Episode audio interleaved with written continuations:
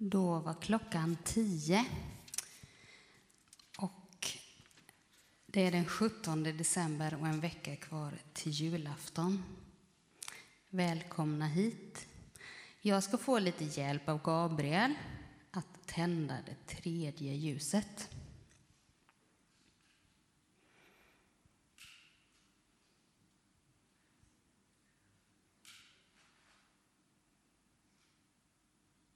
Tusen tack. Idag är det nattvardsgudstjänst.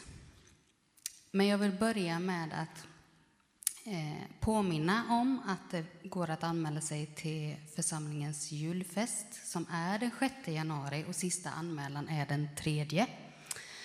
Och sen den 23 advent så är det advent till jul klockan 18 Månsarps kyrka. Och Eh, om en vecka, då på julafton klockan 10, det är samling vid krubban här. Men nu hälsar jag er välkomna till nattvardsgudstjänst där predikan eh, sker av Kenneth Pettersson, organister Kerstin Nilsson, Linnea Palmer och Alice Samuelsson ska sjunga för oss och de kompas av Sofia Karlstedt. Ljudet idag sköts av Lars Claesson och Håkan Altgärde. Jag heter Ida Samuelsson och än en gång varmt välkomna hit idag. Vi börjar med att sjunga psalm 103 tillsammans, vers 1 till 3.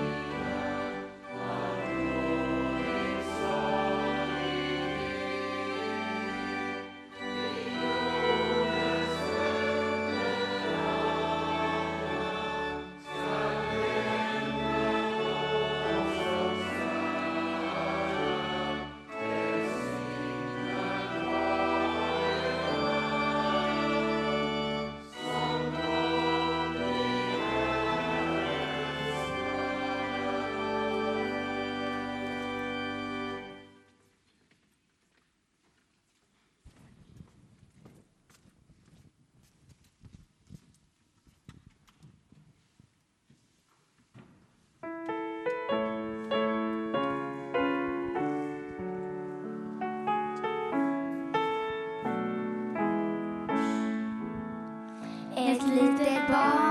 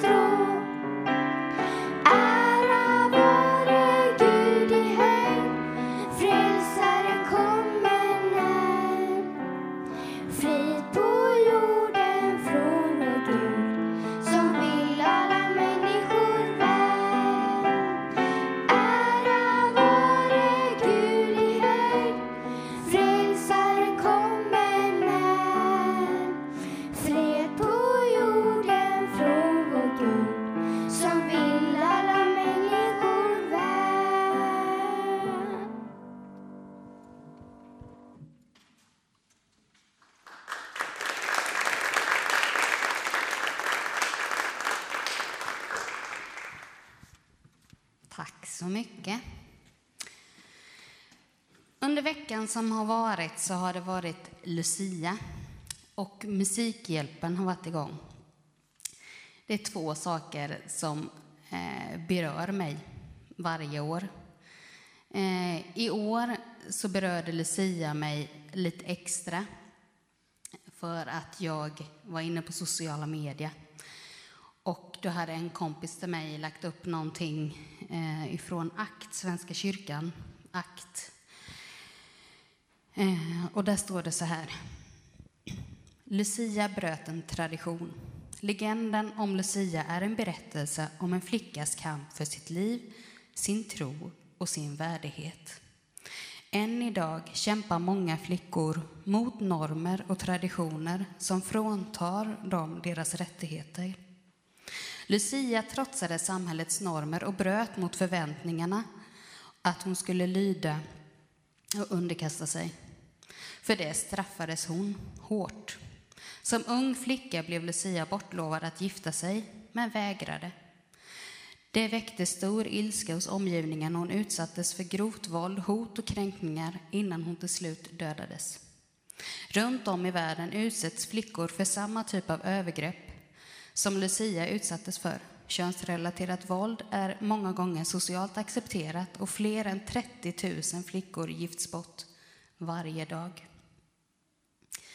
Ingen flicka ska giftas bort. Det är hög tid att bryta skadliga traditioner. Lucia ger hopp. Lucia var stark och stod för det hon tyckte var rätt. Idag firar vi Lucia med, stor, med en stor ljushögtid där Lucia är en symbol för ljuset i mörkret. Lucia kan också ses som en förebild för alla de flickor som fortfarande kämpar för sina rättigheter. Dagens tema är Bana väg för Herren. Eh, både du och jag kan vara det där ljuset i mörkret. Du och jag kan vara i litet och stort någon som gör något. Vi ska alldeles strax sjunga en psalm. Eh, men där hittade jag också en liten eh, notis som Margareta Melin som har skrivit eh, salmen har skrivit. Att, och jag ska läsa just hennes eh, här. Eh, nu kommer en förklaring. När psalmboken så småningom ska revideras har jag en önskan att mina senaste verser här på sidan eh, ska ersätta de tre som nu är psalm 609.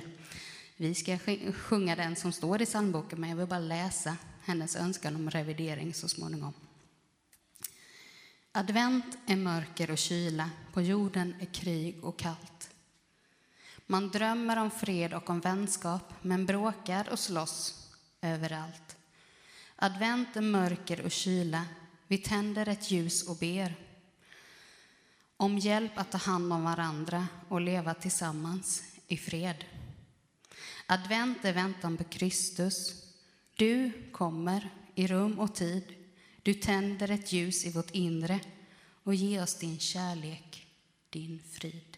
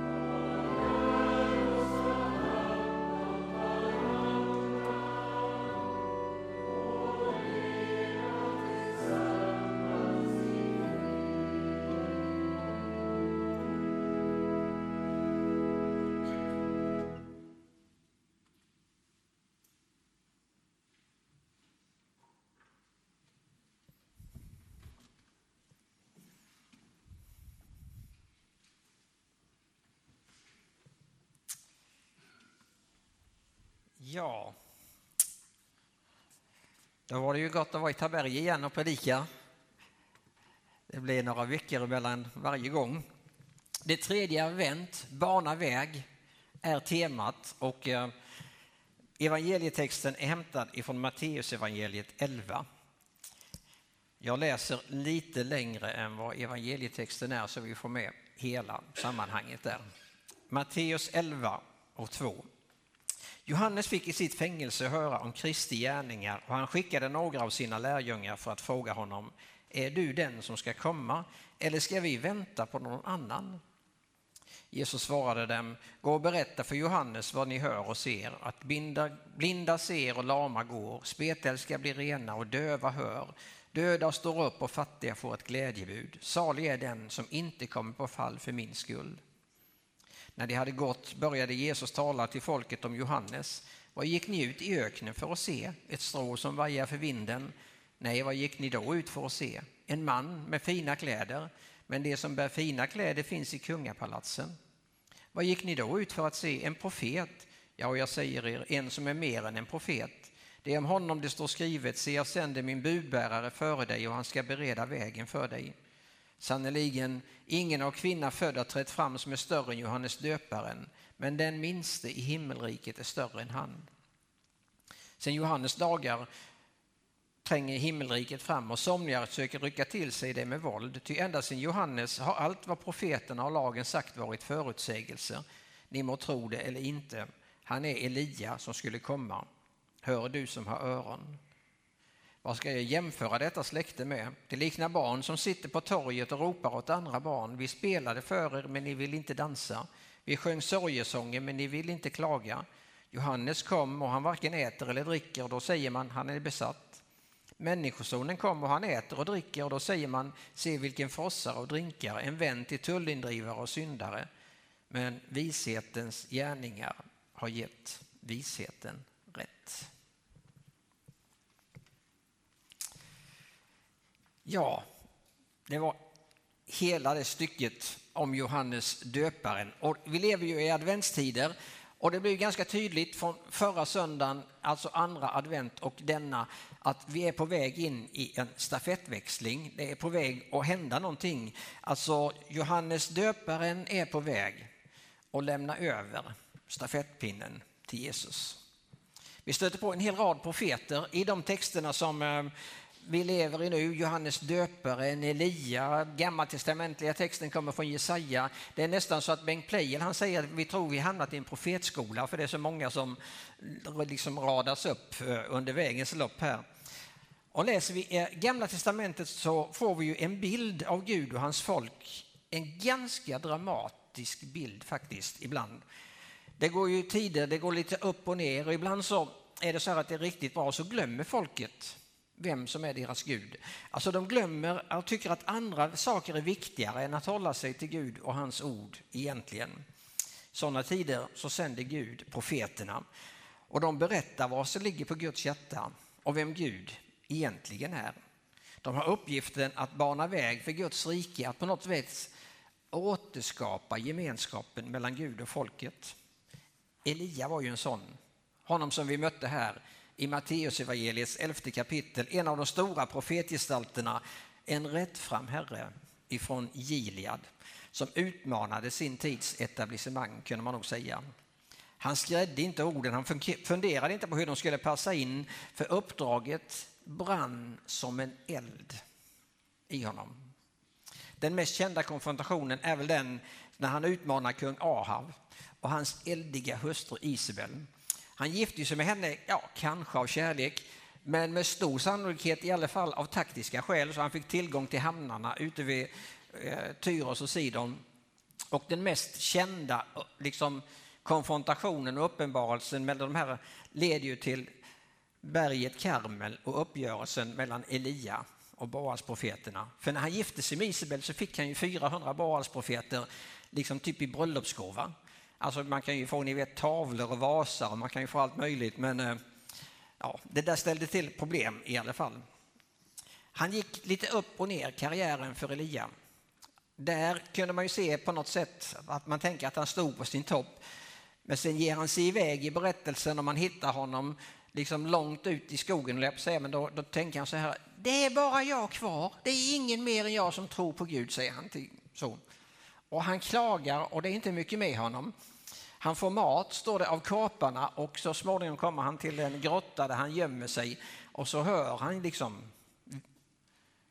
han hör åskan och han hör en stark storm och så småningom så går han ut och ställer sig och spanar och där i den stilla susningen möter han Gud och får återupprättelse.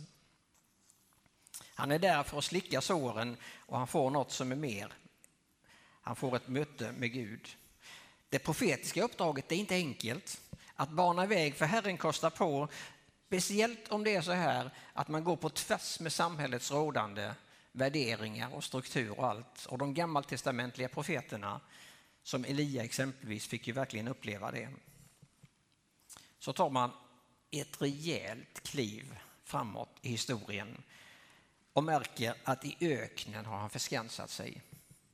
Johannes döparen som i vår text jämställs eller likställs på något sätt jämförs med Elia och det han gjorde. Det innebär att han hade en liknande tjänst som Elia. Vi möter honom i öknen alla platser. Han äter vildhonung och gräshoppor. Och hade det inte varit för gräshopporna kunde vi kallat honom för vegan egentligen då. Men där, där stöp det på det. Liksom. Han har inte varit i en klädbutik på år och dagar. Han har inte varit ens på rea. Han har inte besökt en second hand-butik, tror jag inte. Han har ingen lust för shopping, inte ens när det är Black Friday eller mellandagsrea.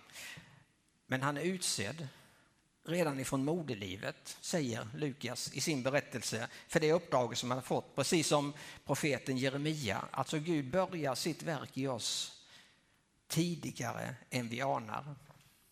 Johannes döparen, denna särling, detta original, han har ett budskap som går liksom, som tränger igenom märg och ben. Inga nyanser. Inget tillrättalagt budskap. Det är svartvitt helt och hållet. Det är förskräckande egentligen. Det är upprörande och ändå är det så lockande och så oemotståndligt. Det är som att dras till elden fast jag vet att det är farligt. Att dras in i ett möte med det heliga och med den helige. För mängder av människor vandrade ut till Jordans strand, lyssnade, omvände sig och lät döpa sig av Johannes döparen. Det här är en rörelse som börjar med Johannes men som silar sig ner genom Jesu liv och sen ner genom årtusendena fram till den punkten där vi finns idag och människors liv förvandlas i Guds närhet. Att stöta på sådana människor gör något med oss. Alltså, jag vet inte om ni stötte på George Verven någon gång, han lever ju inte längre än grundaren för OM. Han hade ju alltid en sån jordglobsjacka på sig och, och, och brann, verkligen brann för missionen. Eller Broder Roger som grundade TC-kommuniteten. Eller Stabbe Staxet med sitt frivilliga vittnesbörd. Eller kanske Karl-Erik Salberg, varför inte? Eller Nicky Gamble som fick vara med och se hur alfakurserna liksom startade i ett så litet mått och sen spred sig över en hel värld på något sätt och så många människor kommer till tro. Och han bär det där på sitt hjärta fortfarande. För ett, fyra och fem år sedan innan han gick i pension vet jag att han hade genomgått en operation. Nicky kom hem och det är ett antal eh, ledare från världens kyrkor inne i Holy Trinity Brompton liksom som sitter där och han skulle ju kunna gått in där och hållit ett föredrag och varit tillsammans med dem men han väljer att gå och hålla föredraget på sin alfakurs istället. Så där fanns hans hjärta på något sätt. Att träffa de här människorna där elden brinner som hos Elias och hos Johannes, det är att möta en utmaning. För det gör att vi tvingas att tänka till en gång till faktiskt. Det är som en storm, som en vind som himmelriket tränger fram. Det är ostoppligt på något sätt. Det skapar glädje och entusiasm men det skapar ju också faktiskt oro. En del som uttolkar det här menar att det här med att man försöker rycka till sig himmelriket med våld det innebär egentligen att man vill liksom ta udden av det förändra det på något sätt. Det var ju så Johannes döparen eh, blev fängslad här så Herodes ville ju få ordning och sak på saker och ting så han avrättar honom så småningom. Man vill tämja evangeliet på något sätt. Nils Bolander pratade ju om att vi har gjort det liksom, vi har klippt av klorna på lejonet och fått det till en tamkatt som har lagt sig på en kudde, säger Nils Bolander i en av sina dikter. Jesus kommer ju också att fängslas, avrättas, men han uppstår på tredje dagen. När Jesus förkunnar så tas det emot lite olika han säger att ja, men vi sjöng och dansade, ni vill inte lyssna och så det liksom sådär. Så det finns ju en ovillighet, men det finns en, en annan sätt också i den här texten där frågorna, de där ärliga frågorna på något sätt dyker upp. Man vill försöka förstå, man vill ändå se vad är det som händer mitt i allt detta som händer. Frågor och tankar, de har sin, på något sätt sin rättmätiga plats, till och med hos en sån gigant som Johannes döparen. När han sitter i fängelsehålan hos Herodes så vet han nog att hans dagar troligen är räknade. Och då tänker han, alltså vad är det jag håller på med? Har jag satsat på rätt test? Var Jesus verkligen den som skulle komma? Är han Messias? Och det gnager i honom, han får ingen ro utan han måste skicka en liten delegation och fråga Jesus, är du den som skulle komma? Och Jesus han ger inte en lång, lång utläggning då, utan han svarar Blinda ser och lama går, spetälska blir rena och döva hör, döda står upp och fattiga får ett glädjebud. Gå och berätta det för Johannes. Och då blir det klart för Johannes. Jesus var den som skulle komma. Guds rike bryter fram, han har satsat på rätt häst. Så kan det väl vara för oss också ibland. Att de där frågorna dyker upp. Det som vi kallar för tvivel. Men inte så sällan så leder de ju oss inte bort ifrån Gud utan när allt kommer till kritan så har vi kommit närmare Gud mitt i allt. För vi vågade ställa frågan. Johannes döparen och fram till våra dagar människor som banar väg för Herren. Vi möter dem i profeterna. De som hade vanan att lyssna in Gud och sen föra det vidare, lära känna Guds närvaro och Guds tilltal. Bland alla röster, bland allt vimmel som finns idag, var finns de vägledarna någonstans? De som banar vägen för Herren. Vi har ju den helige ande naturligtvis som hjälper oss. Med andens hjälp så klarnar sikten. Men vi behöver ju de där ändå. Vägröjarna, de som banar vägen. Vi pratade ju om George Wörver, vi pratade om Karl-Erik Salberg, vi pratade om Sebbe Staxet. Det är ju en, liksom, det kan vara en vinst och en inspiration att vad man ska säga, peka på de här kända namnen så att säga. Men det kan ju också vara så här att man tänker då, ja men vad är mitt lilla liv? Mitt vardagliga liv, min vardag i jämförelse med en sån berättelse. Och då är det ju så där att då är det risk att gå i en fälla faktiskt.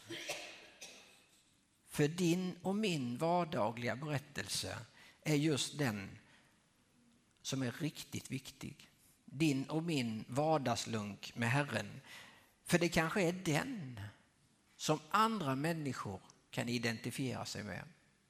Det kanske är den som du liksom lever nära någon när du berättar vad Jesus har gjort i ditt liv. Det är då det hakar tag.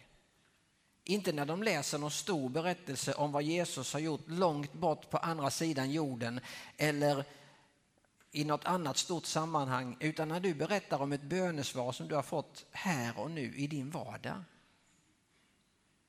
Då är det den enkla berättelsen och det enkla vittnesbördet som banar vägen för Herren. Och då finns det ju några enkla hemligheter i det här som inte alls är nya. Alltså det är ju den helige ande förstås att vara lyhörd för andens röst och närvaro. Och så är det ju det där klassiska bönen och Bibeln. Som inte vi kommer runt liksom. Att låta bönen få prioriteras, att låta den få finnas med. Att hela tiden leva i det där samtalet med Gud. Och så har det blivit igen populärt i vår tid att ibland ta en extra paus för bön. Och då kallar vi det för retreat. Att få dra sig undan, att på något sätt få stänga dörren och umgås med mästarnas mästare för att sen kunna bana väg för honom i vardagen. Att få egen tid med Jesus. Och jag har berättat det någon gång innan men jag berättade om en kollega som för några år sedan åkte på retreat igen och som upplevde när han kom till sitt rum och den första samlingen hade varit och så kom han till sitt rum och så stängde han dörren efter sig. Och då är det precis som han hör Gud säga det var länge sedan det var bara du och jag. Det, jag tycker det var, det, det liksom, när, när, han berättade det så slog det på något sätt ner i mitt liv. Det var länge sedan det var bara du och jag. Om vi ska bana väg för Herren så bör vi ju känna den där personliga relationen så vi vet vem det är vi banar väg för.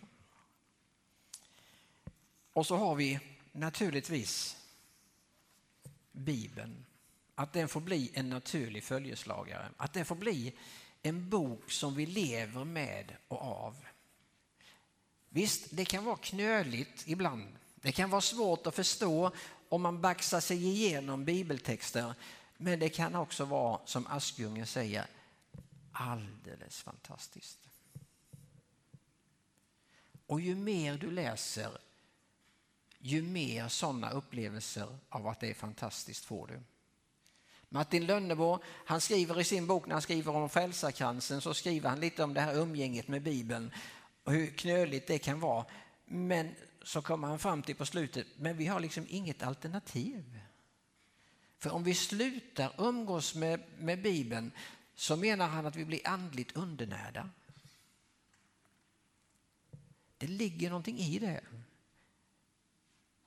Mormors bibel bredvid hennes säng, den kommer jag ihåg än. Eller pappas bibel. Eller någon annan som har funnits i närheten och så får du ärva den plötsligt och så får du läsa i den och så får du öppna och se lite understrykningar, lite handteckningar här och var. Och någonstans mitt i där så är det inte ovanligt att det trillar ur en lapp och det ligger ett bönämne på den lappen. Och då vet man att det här har följt med i bönerna varje dag. Hos mormor eller pappa eller vem det nu är som är i närheten. Och tänk om vi kunde få vara sådana som banar vägen på samma sätt. Att i vår bibel liksom så kan man märka vandringen med Gud. Man kan följa det i spåren på något sätt. Jag önskar att det skulle vara så för min egen del. Att på något sätt så ger det en signal om här finns en kraftkälla som vi alltid kan hålla oss till på något sätt. Det är andra människor, ofta enkla människor, inte alltid de här som har stått på estraden eller har ett namn, men många, många vanliga människor. Det är där det händer, det är där vi banar vägen för Herren. I bönen, i bibelläsningen, i vardagslivet. Och det är nästan så det inte går att låta bli, för det var ju så när jag förberedde det här så sa jag hemma att det går ju knappt att låta bli att tänka på befriad, eller hur? Och den första liksom sången kommer, Se Guds lamm. Och sen mitt i Se Guds lamm så kommer Johannes döparen in.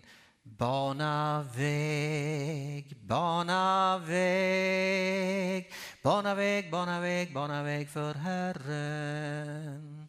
Bana väg, ja bana väg, bana väg, bana väg, bana väg för Herren. Jag är ej Messias och jag är ej Elias. Jag är ej profeten men rösten av en som ropar i öknen bana väg.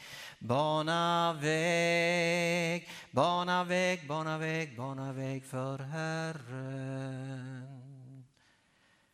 Vi behöver många som hjälper till med det idag. Banar väg för Herren och visar att det i vardagslivet gör en skillnad att få följa i hans spår, att det finns en välsignelse i det.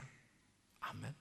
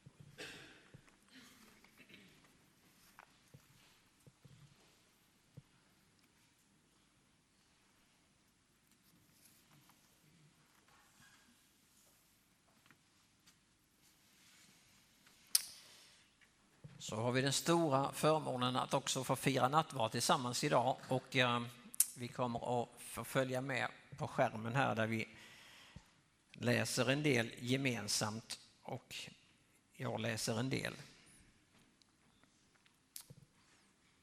Så är Jesus Kristus mitt ibland oss och det är han som på nytt inbjuder oss att ta del av den heliga måltiden. Måltiden då han ger sig själv åt oss och då han för oss in i en djupare gemenskap med varandra. Måltiden då han utrustar oss för tjänst och för vittnesbörd.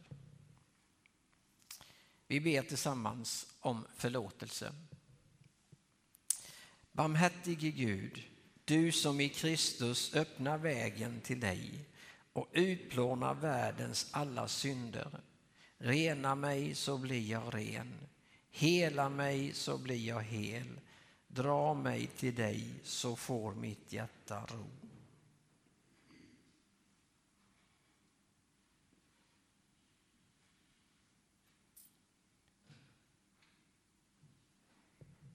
Så läser vi i Johannesbrevet där han skriver om att om vi bekänner våra synder så är han trofast och rättfärdig så att han förlåter oss synderna och renar oss i sitt blod. Och därför kan jag som Kristi Jesu tjänare tillsäga er Jesu Kristi förlåtelse. Och vi ber. Livets Gud, tack för att vägen till dig alltid är öppen genom Jesus Kristus. Hjälp oss att leva i din förlåtelse. Stärk vår tro, öka vårt hopp och uppliva vår kärlek. Och I första Korintierbrevets elfte kapitel där läser vi de där orden som vi brukar kalla för instiftelseorden. Jag har själv tagit emot från Herren det som jag har fört vidare till er. Den natten då Herren Jesus Kristus blev förrådd tog han ett bröd, tackade Gud, bröt det och sa Detta är min kropp som offras för er, gör detta till minne av mig. Likaså tog han bägaren efter måltiden och sa Denna bägaren är det nya förbundet genom mitt blod. Var gång ni dricker av den så gör det till minne av mig. Var gång ni äter det brödet och dricker den bägaren så förkunnar ni alltså Herrens död till dess att han kommer.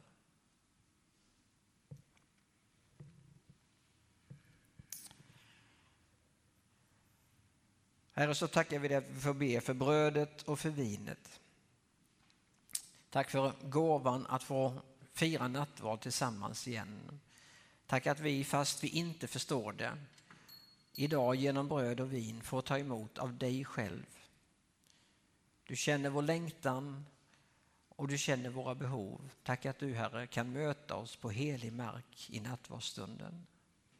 Amen. Så bekänner vi.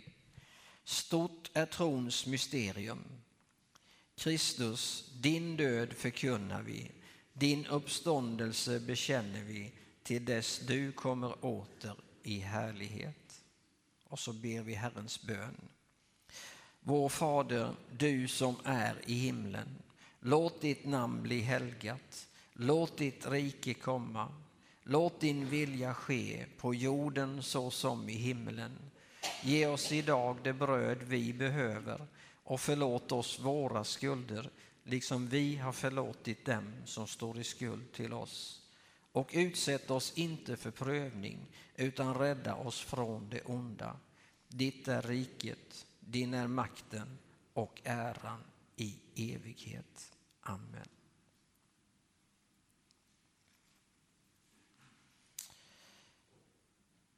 Brödet som vi bryter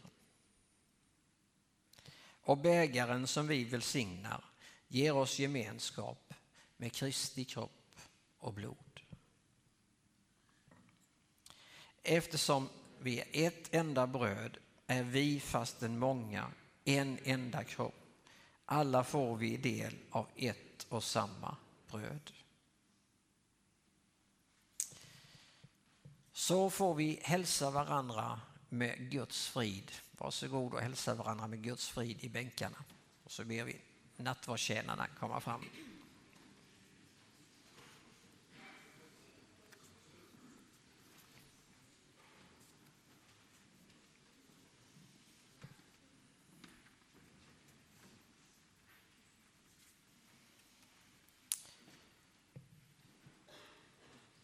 Så under tiden som vi firar nattvard här så kommer det också bli möjlighet att man vill gå och tända ett ljus för ett bön eller tacksägelseämne som du bär på. Det finns möjlighet att skriva ett bönämne. Viker du ihop lappen så kommer ingen att läsa den utan då blir det mellan dig och Herren. Lämnar du lappen öppen kommer vi att eh, läsa den här i gudstjänsten och ta med det bönämnet efter nattvardsfirandet.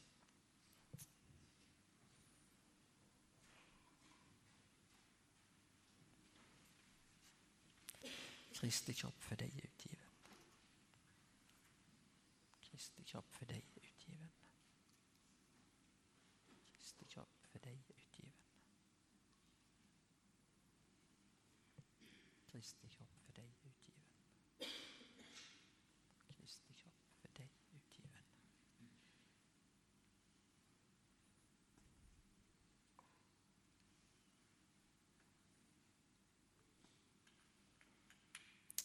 Kristi kropp för dig utgiven.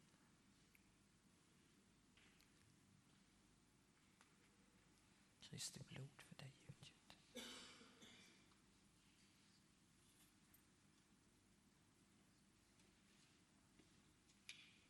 Kristi blod för dig utgjutet.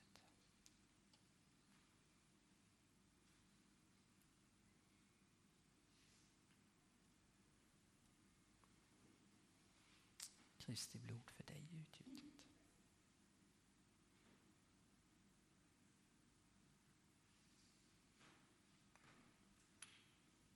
Kristi blod för dig utgjutet.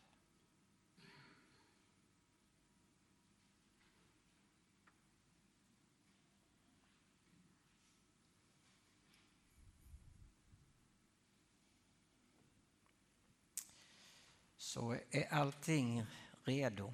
Tag och dela er välkomna. Tag och dela er emellan. Välkomna till måltiden.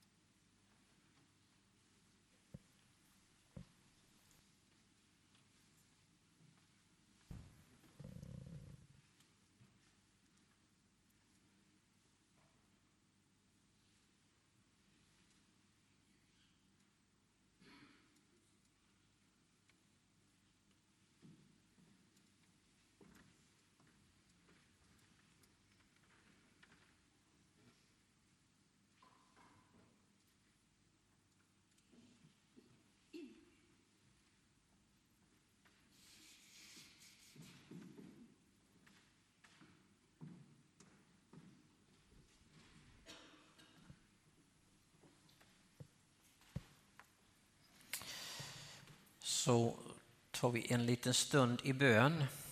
Jag har inga bönelappar som har kommit in, men på vår gemensamma bönelista för veckan så står basgrupp 4, församlingsmedlemmar på annan ort och riksdagspolitiker.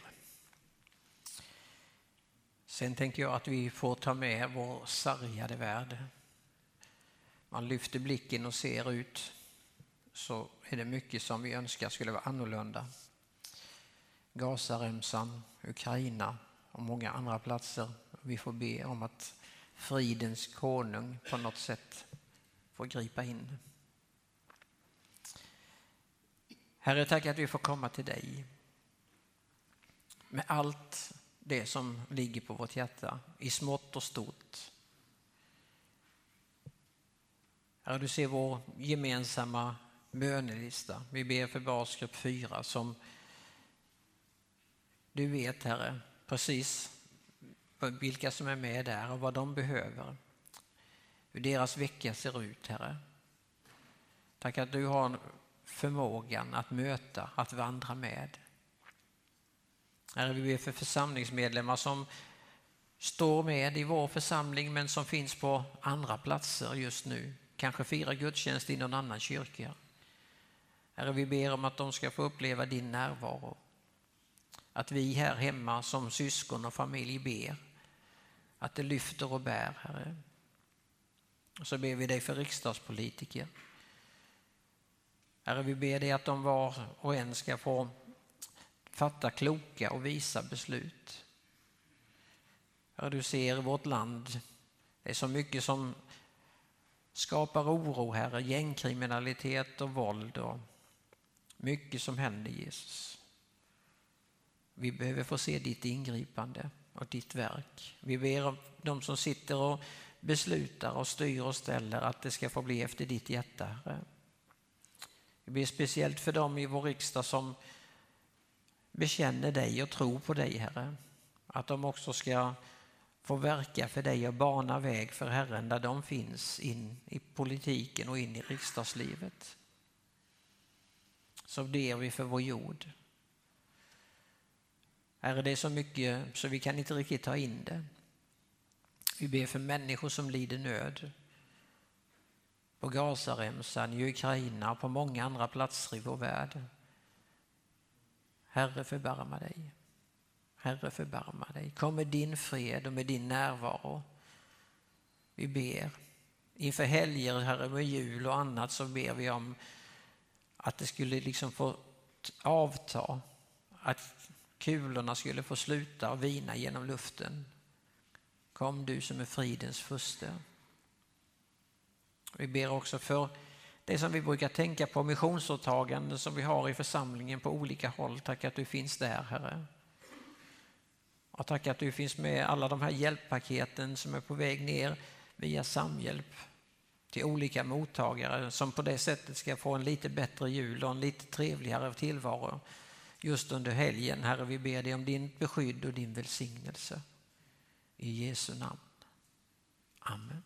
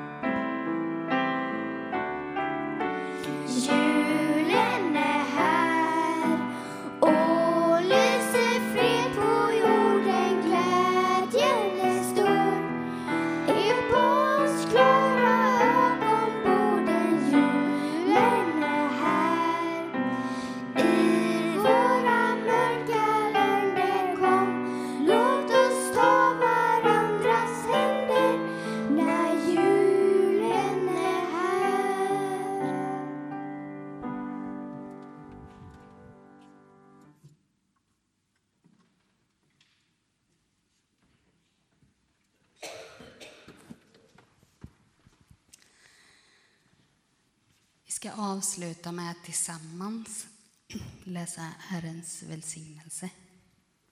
Läs gärna med mig. Herren välsigne oss och bevara oss.